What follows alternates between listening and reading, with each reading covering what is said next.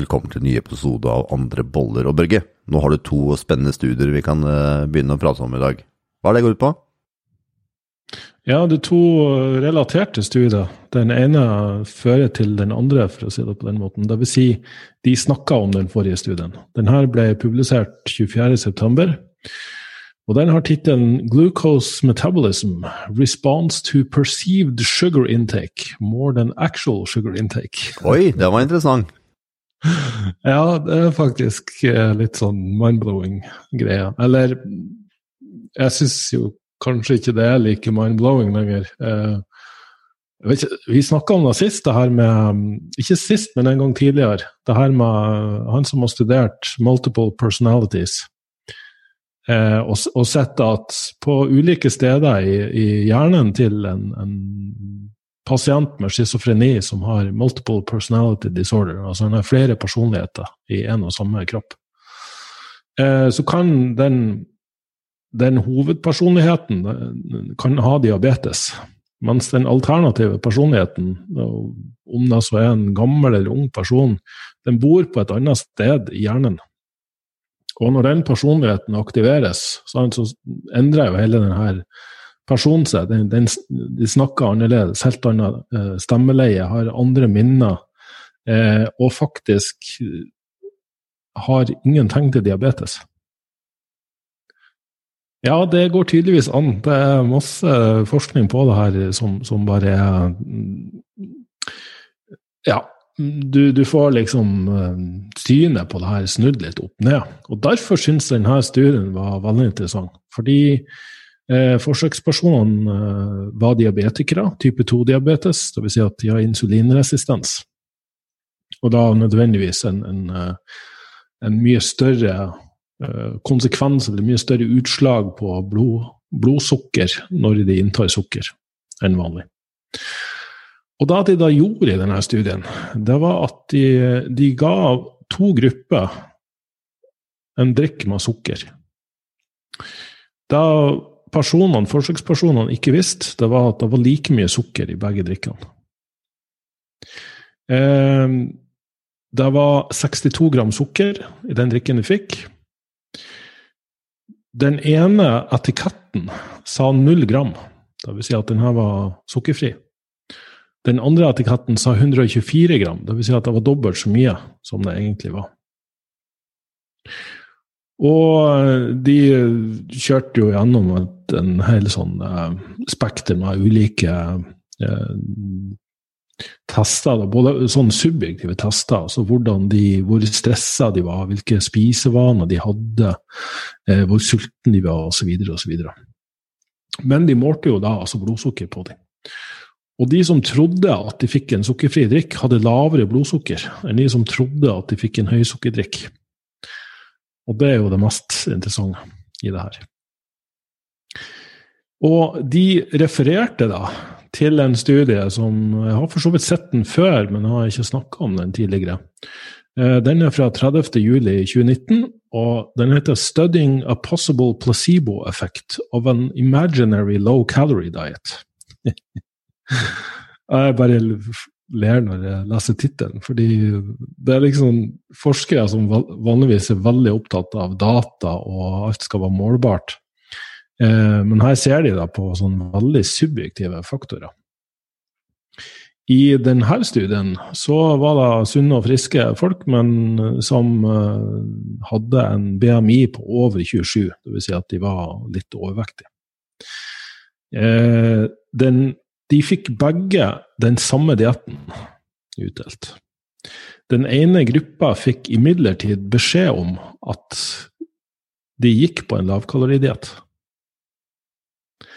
Så, så merk da, de spiste like mye kalorier. Den ene gruppa trodde de gikk på diett.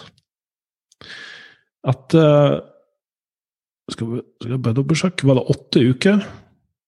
Så hadde gruppa som trodde de gikk på diett, gått ned nesten 10 kilo. Det vil si snittet var 9,25 kilo, og det var sånn pluss-minus 5 kilo. Det vil si at alt fra 14 til 5 kilo. 4-5 kilo. Og der også eh, liksom spekulerte i hva kan forklaringa var. Hva, hva, er liksom årsaken til det? Det er klart det er mange ukjente faktorer involvert her, fordi det er en reell placeboeffekt. Folk trodde at det gikk på kaloriunderskudd, og dermed gikk de ned i vekt som om det gikk på kaloriunderskudd, selv om de ikke gjorde det. Kanskje de forandra på, på spisevanene sine, kanskje de, kanskje de feilrapporterte. Det kan være mange ting involvert. Kanskje de var mer de, de, kontrollerte også for aktivitet, det bør jo nevnes. Sånn at de, de trente like mye og var like mye aktivitet. Eh, men de to studiene sammen her, da, eh, de gir jo et ganske sånn interessant bilde på det her. Fordi jeg har også lest mye tidligere forskning som, som går på eh, hvis personer Jo, faktisk samme gruppe har gjort denne studien tidligere. Da, da ser jeg nå. Eh, der var det Folk fikk spille eh, sånn games, altså PlayStation, videospill, dataspill. Og eh, så hadde de forskjellige klokker i, i rommet. Den ene klokka til den ene, eller klokka til den ene gruppa gikk for fort, og klokka til den andre gruppa gikk for sakte. Så de hadde spilt like lenge, men de ene trodde det hadde gått 45 minutter, og de andre gruppa trodde det hadde gått to timer eller noe sånt. Og Grunnen til at det her faktisk kunne fungere, er jo fordi når du sitter og spiller data, så er det mange som mister tidssansen. Eh, du får en annen opplevelse av tid. Og De som trodde de hadde spilt mye lenger, at det har gått mye lengre tid, de var også mer sultne og hadde lavere blodsukker. Så, så det her er litt sånn Er det, er det ekte studier, eller er det Fogne Braune? Det er ekte studier av ekte forskere ved liksom uh, Hvilke universitet er det her? Um, publisert i Scientific Reports. Uh, og det er open access, og det er en uh, det her er The Psychology Award, da. Så uh,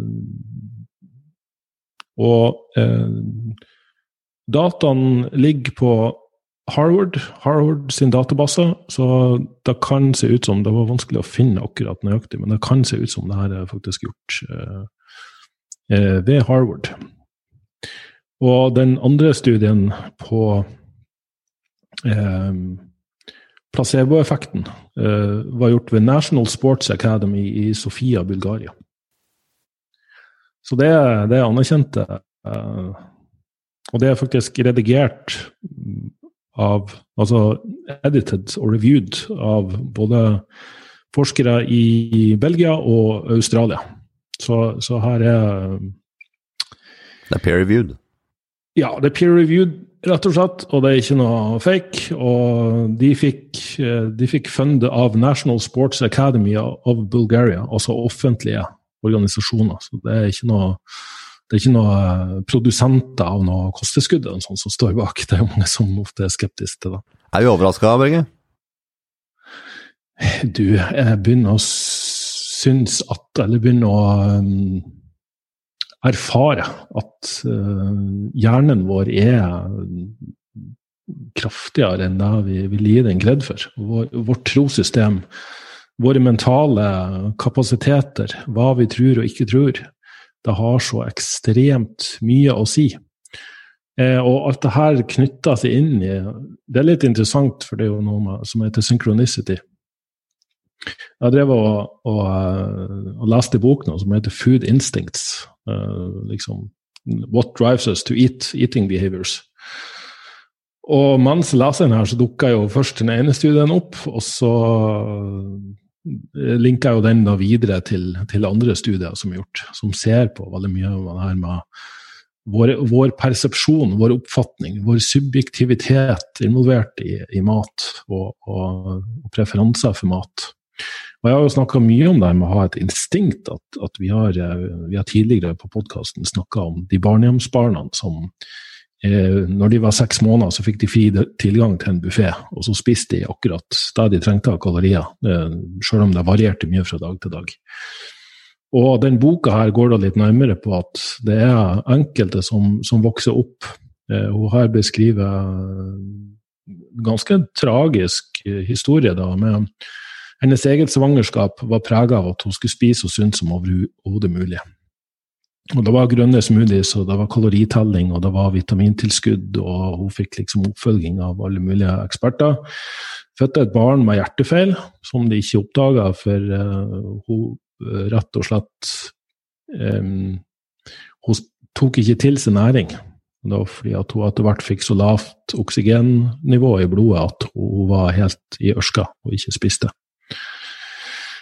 Og Eh, under eh, en akutt situasjon ble frakta til sykehus, måtte gjennom tre ganske omfattende hjerteoperasjoner og fikk da mat gjennom sonde. Og, og utvikla rett og slett en aversjon mot, mot, mat. Så de første månedene og første én til to årene av livet så fikk hun mat gjennom først en sonde eh, via nesen og ned i magesekken, ofte som hun spydde opp. Og eh, etter hvert gjennom en sonde operert inn, en slange operert direkte inn i magen. Og utvikla det som kalles neofobi. Så hun hadde frykt for å spise og frykt for å spise nye mat, matvarer. Så, så det er en veldig sånn um, Veldig omfattende bok. Hun går jo liksom i dybden på alt fra de som har aversjon mot å spise, og til de som har spist seg svært, svært overvektig og ikke klarer å stoppe å spise. Eh, og anerkjenne at vi har et instinkt, men vi har også eh, som mennesker en emosjonell side der vi spiser for behag, for komfort. Vi spiser for nytelse. Og det, det, er ikke noe som uh, er feil. Det er egentlig sånn vi Altså, vi vokser opp ved å amme ved mors bryst, i hvert fall de fleste av oss. Og da er liksom kosen i det, den nærkontakten, den, den eh, da, da satt i gang masse Og så trigga masse sentre i hjernen som, som, går på behag og, og, komfort og følelsen av trygghet. Så da at vi som voksne personer også, selvfølgelig har vi en læringskurve her, eh, sjøl om, om vi hadde vært barnehjemsbarn og hatt det instinktet, så blir det instinktet etter hvert også kombinert med vår subjektive oppfatning av uh, komfort og eh, tolkning av hva som er bra og ikke bra, og masse merkelapper opp igjennom. Så Vi snakker jo egentlig om persepsjon, altså vinklingen til ting. Og Vi kan vel bruke korona som eksempel, nå kan vi ikke det for jeg synes det er et veldig godt eksempel. I mars så var vel de fleste av oss ganske skremt. En god, en god del, 99,9 av oss antar jeg, var ganske skremt i mars. Og mens tiden har gått, da, så er det fortsatt en del som uh, fortsatt skvetter litt og er litt uh, engstelig når man leser den ene rødskrifta nyheten etter andre rødskrift av nyheten, men så er det også veldig mange som begynner å bli mer og mer avslappa. Og jeg vet at det er forskjellige sider av det jeg sier nå. Noen blir irritert over at noen senker skuldrene, og noen blir irritert av det motsatte. Det må vi ha, ha rom for. Poenget mitt det er at de som da var veldig nervøse i mars, og som nå tenker jeg at ja, det ser ut som at det går greit. De har jo bare Det eneste de har gjort, er kun bare endre vinklingen til nettopp den koronatiden vi er i. Det er ingenting annet som har skjedd. Det er bare kun endra vinklingen til noe. Og når du endrer vinklingen til noe, så endrer jo hele virkelighetsoppfatningen din. Fordi at det, i mars, når du var engstelig eksempelvis, hvis du tar det som utgangspunkt, da, så var du mer anspent, du pusta dårligere, du sov kanskje dårligere. Det gikk jo veldig mye inn på deg, og det som går inn på deg, har også en direkte innvirkning på det fysiologiske, som du vet. Og så hvis du nå så at det, hm, smittetallet øker, svært få innlagte, jeg vet ikke om vi har hatt flere dødsfall siden mars, eller hvor mange det har vært, det er iallfall ikke så mange. Da ser du at for de fleste så går det bra, da, og da senker mange skuldrene. Når man senker skuldrene, puster man bedre, det fysiologiske kommer mer på plass, kanskje man sover bedre. Og da har man plutselig en helt annen endring. Kun bare at du endra vinkling på hvordan du tenkte at det gikk. Og ser jeg egentlig for deg hvor mange sånne type episoder du har i livet ditt. da. Si for eksempel, du har barn, og så blir barnet ditt syk. Du vet ikke hvorfor barnet ditt blir syk, men kanskje du er litt engstelig for at du får korona, eksempelvis, for å lese så mye om det. Åh, oh, oh, du blir helt superstressa, du begynner å sove dårlig igjen, puste dårligere, så det blir mer og mer stress. Og så plutselig, ut ifra at du er engstelig for at barnet har fått noe som ikke du har kontroll over, så blir du redd, redd nervøs osv. Alt i livet handler jo om vinkling, som vi snakka om, før, hvordan eh, vi oppfatter en ting. da. Derfor er det egentlig ikke så veldig rart hvis jeg som bevisst på hva jeg spiser, tenker at hm, ganske sunn den maten jeg spiser hos, da er jeg avslappa i skuldrene. Sover kanskje godt fordi jeg tenker at hm, i dag spiste jeg veldig sunt. Og å ja, men den maten er perfekt for alle. Jeg, jeg innbiller meg jo på en måte selv at det jeg spiser nå, var jo helt perfekt for at jeg skal sove. Kontra jeg er opptatt av hva jeg spiser, putter i masse sukker og tenker at åh, jeg skulle aldri spist det nå før jeg skulle sove. Så er jeg mest sannsynlig urolig. Så hvordan vi oppfatter ting, det innspiller jo utrolig mye på hvordan kroppen reagerer. Det er jo en direkte innvirkning her. Ja, og da var det mer eller mindre konklusjonen, i hvert fall den ene studien her, at de, det de så forskjell på, var at um, deltakerne skilte seg egentlig i to, to forskjellige, uh, distinkte um, holdninger til mat og holdninger til verden.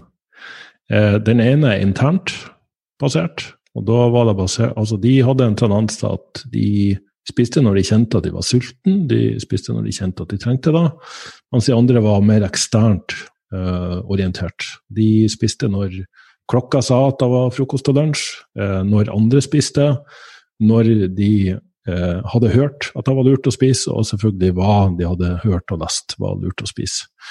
Så, så det er vel da forskjellen på hvor, um, hvor godt kobla vi er på vår interne motivasjon til, til, å spise, og som du også snakka om, da, vår persepsjon av omgivelsene. Hvor mye vi føler vi har kontroll over, hvor mye som er utenfor vår kontroll, og hvor mye vi stresser over det vi ikke kan kontrollere, men prøver å kontrollere. Å, den siste er viktig, for der er det utrolig mange som har utfordringer veldig ofte. vet du. For det kan ha tanke om å ta full kontroll hvis du hele tiden planlegger og du spiser nøyaktig det du har planlagt. Mm. I det øyeblikket du får litt avvik og du har ikke muligheten til det, så begynner du å stresse over Oi, det kunne jeg ikke spise akkurat det jeg hadde planlagt. Oi, nei, nå går dette av dritt. Og så bare spinner tankene videre. eller spise mer enn det. Ja, eller det. da. Jeg tenker, nei, uff, nå gikk denne uka her til Peking, og nå, nå må jeg vente til neste mandag før jeg kan starte. Altså, det er mange sånne tanker vi har òg. Det er mange som ikke ja. kan nullstille igjen etter en time. Noen må vente hele uke.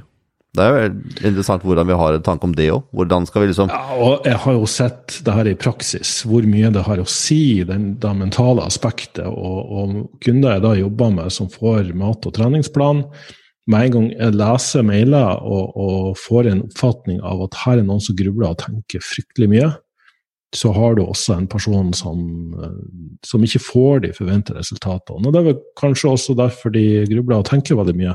Det er sånn høne- eller egge-paradoks. Får de dårlige resultat fordi de grubler og tenker mye, eller grubler og tenker de mye fordi de har dårlige resultater?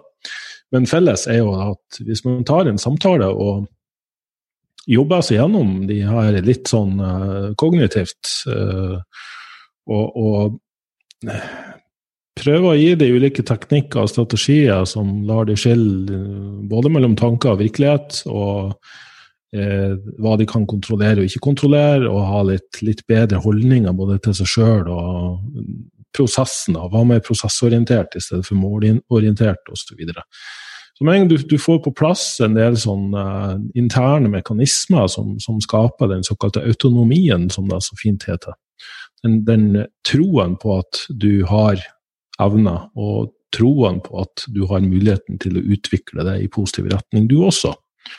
Så trenger du nesten ikke å endre på verken trening eller kosthold, alt bare fungerer mye bedre. Og det er jo som du sier, da, fordi stressnivået går ned. og når stressnivået går ned, så fungerer det mye i kroppen mye bedre. Både blodsukkerkontroll og stoffskifte og hormoner. Så så helt klart er det en enorm mental komponent her som, som gjør seg gjeldende i mye større grad for enkelte enn andre. Det, det er det jo ingen tvil om. Jeg har funnet meg et nytt interessefelt om dagen, Børge. Jeg har vært inne på interessefeltet før òg, men du vet jo hvordan det her er. Det går litt fram og tilbake, opp og ned. Akkurat nå om dagen så er det pust. Det syns jeg er utrolig fascinerende om dagen. Og det er, Man har funnet ut at det mest optimale pustemønsteret for eh, kroppen vår, vet du hva det er? Nei, jeg vet ikke. Er, så jeg håper jeg følger deg sjøl. det er da selvsagt å puste med nesen.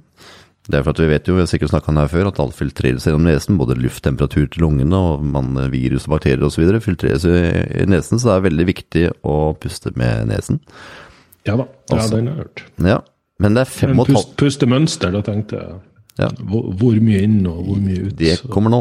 Det er Ja, fem og et halvt sekund. Fem og et halvt sekund. Fem og et halvt sekund er det optimale inn og ut for en kropp. Ja. Og det I hviletilstand går jeg ut ifra. Ja, men så er det i den der boken her, som jeg holdt på å lese for øyeblikket, så har man også testet dette på veldig mange idrettsutøvere, det med å klare å puste kun med nesen. Og man har funnet at det er utrolig mange som presterer veldig mye bedre om man kun puster med nesen og ikke begynner å puste med munn. Stemmer. Ja. Jeg har, jeg har nok lest samme boka. Ja, og det, Breed heter den. Uh, og er veldig fascinerende det, altså det med pust, eksempelvis, for det er jo Vi vet jo at det henger Men ja. Unnskyld at jeg avbryter, men det var fem og et halvt sekund inn og fem og et halvt sekund Yes, ut. Altså nøyaktig like langt Yes. ut og inn. Ja. Yep. Ok. Mm. Uh, og det jeg finner veldig fascinerende med det, er at uh, vi vet hvis du begynner å bli stresset, eksempelvis, så puster vi veldig kort. Vi puster på toppen av lungene. Det sier vi egentlig til kroppen at vet du hva, nå er jeg i krisesituasjon her, og nå er det på tide å løpe.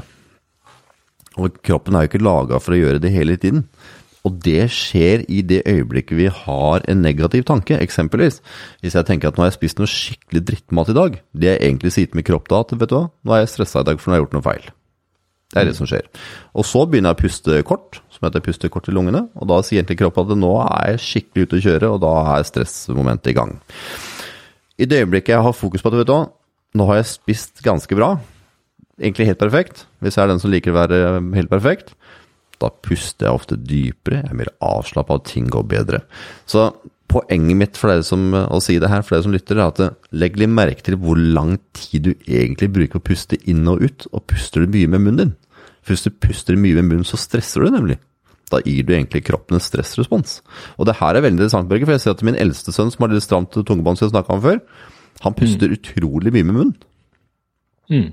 Så Ja, jeg har hørt om sånn mouth-taping, at du skal tape igjen munnen din med Ja. scotch-tape. Jeg, jeg prøvde, men pga. skjegg og bart, så det blir vondt. Og ja, nå har jeg pustet med munnen i flere år, for jeg har vært klar over det en stund. Men eh, på natten så har jeg merket at jeg begynner å få litt sånn søvnapne. Ja, og da er det veldig mange som har veldig god effekt. Bare sett en liten teip i og så stopper faktisk søvnapnen. For søvnapnen det er jo kun hvis du puster med munnen. Det skjer jo ikke hvis du puster med nesen. Og jeg tenker sånn som det her da, Jeg har jo selv vært en person som har pustet utrolig med munnen. Har ikke vært klar over det. Og så har jeg gått og lurt på hvorfor ble jeg så stressa egentlig. Hvorfor jeg alltid vært så veldig stressa siden jeg var liten. Det er ikke så veldig rart når jeg alltid pusta med munnen. Så, så vi har også en sånn type eller du sa ja, Hva er høna i legget? Hva er, liksom, er årsaken til at man kanskje har litt mer stressede tankemønstre? At man alltid går og puster med munnen, som igjen gir stressrespons, som igjen gir stressa tanker. Altså, Hva er høna i legget? Vi er veldig vi er avansert sammensatt, så derfor blir det sånn Ja, tankene har veldig mye å si. Pusten har veldig mye å si. Altså, hva vi spiser har mye å si. Det er sånn derre hm, Hvilken side skal man begynne å plukke til slutt? Ja, og, og det er jo derfor at det, det er jo derfor at jeg kaller meg sjøl en veldig helhetlig coach. For når jeg, jeg jobber med folk, så tankesett har mye å si. Og har du mat og trening på plass, så har det mye å si. Eh, Men akkurat det der du sier, og da blir en høna eller egg-greie, da også. Eh, Hvis du er en veldig stressa person som, som angster mye over eh, ting du går og tenker på, fortid og framtid, og dømming og vurdering, så vil du puste på en annen måte. Du vil puste feil, som du sier, og du vil også ha en, en dårligere holdning generelt. Eh, og da er det jo vist, nummer én, hvis du reverserer det her, reverse engineering som det kalles Hvis du puster som en person som er avslappa, så blir du mer avslappa sjøl. Hvis du står i du, du har sikkert hørt om sånn power pose. Hvis du stiller deg opp i sånn Supermann-posering og med brystet høyt og Øker Eh, testosteronnivået, faktisk. armene opp, armene opp i sånn V-form, så, så tar det noen sekunder, og så vil faktisk hjernen bades med dopamin og serotonin og adrenalin. Så, så da at du simulerer en person som er i den mindseten du sjøl ønsker å være, vil også eh, altså vil, vil, vil da etter hvert bli som den, altså få samme fysiologi og nevro, nevrokjemi som en sånn person.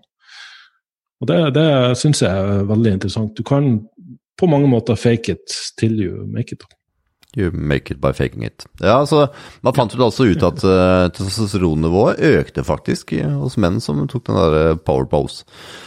Stemmer. Og det sier seg jo litt selv, for vi vet at det er sånn fysiologisk sånn at er du nervøs, er du trist osv., så, videre, så bøyer man seg framover. Man blir framover med skuldrene osv. Og, så og du er ikke lenge du skal sitte fremover med skuldrene ned med huet og øh, Før du kjenner at humøret er skikkelig på vei til å gå til peking.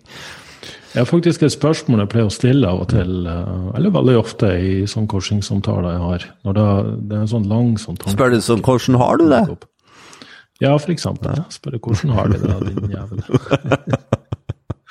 uh, nei, men så, så, Ofte så har jo noen da gått seg fast i et bestemt sånn tankemønster, tankespinn av noe slag. Da kan et sånn enkelt spørsmål som Hvordan ville det vært hvis du ikke hadde den tanken? Hvis du ikke hadde den oppfatninga, den, den, uh, den, historien du forteller deg sjøl? Og da er det interessant, for i alle tilfeller så stopper folk litt opp. Blir litt sånn glassaktig i blikket. Så tar de et dypt pust, som du sier. Så ser du at skuldrene senker seg. Det sånn Ja, det var deilig, det. Nei, vi vært, altså, skjønner du, sånn at vi, vi, har også evnen til å forestille oss en verden eller en virkelighet uten alle de stressende bekymringene og, og tankene. Ja, og i det øyeblikket du forstår at alle tanker du har er kun bare et mønster, og for hver gang du får en tanke, tenker du hm, er det mønsteret der nå igjen? Så begynner du egentlig å akte alle de mønstrene du har.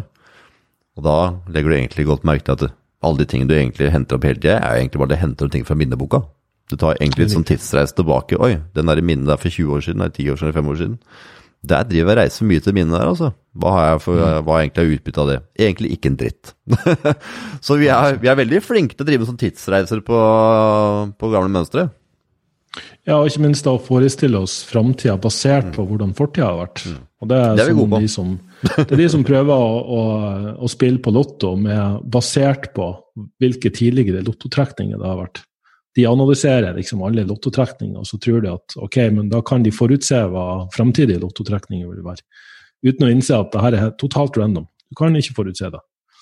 Og det, Du kan selvfølgelig gjøre noen kvalifiserte gjetninger basert på hva du har gjort før og erfart før, og hva som har skjedd før, men vi, kun, vi kan ikke forutse noen ting. Altså, Til og med værvarselet er jo så elendig som det er, rett og slett fordi det er så mange variabler involvert i, i vind og skyer og, og, vær at det å forutse noe mer enn kanskje en dag i forveien er så å si umulig. Utenom oss mennesker, da. Vi er jo utrolig forutsigbare. Ja. Man kan si at uh, lottotall og alt ja, annet. Men vi mennesker, fy fader, vi er så forutsigbare. Det er like sikkert som at det er vår, sommer og høst. Altså. Vi er uh, Og vinter. Vi er, uh, vi er forutsigbare. Både og. Jeg, jeg, tenker også at alle har Nei, Vi er jo det, Børge. Vi er veldig forutsigbare hvis du analyserer det. På enkelte ting så skal jeg være enig i det. Jeg har nok også opplevd så mange forutsigbare mennesker som brått og uventa kan gjøre noe totalt uforutsigbart at uh, Ja, men da er det, er det, egentlig ikke så veldig uforutsigbart, for da ligger det mønsteret et plass, da. Der ligger mønsteret at de er uforutsigbare. ja, for det er sånn, vi, vi, mennesker som er veldig forutsigbare Mennesker er veldig forutsigbare.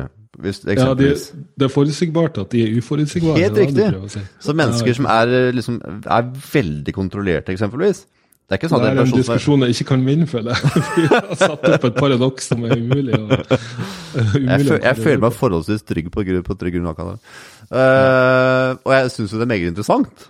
Det er det der, men vi har en tanke om at vi ikke er det. Det er det her som jeg syns er så morsomt med det. Vi har en tanke om at vi er jo ikke det. Vi sitter og snakker med noen, så tenker jeg ja, men det er jo ikke det, vi er jo ikke det, vi. Altså bare er, Du er det, altså. Du er forholdsvis forutsigbar.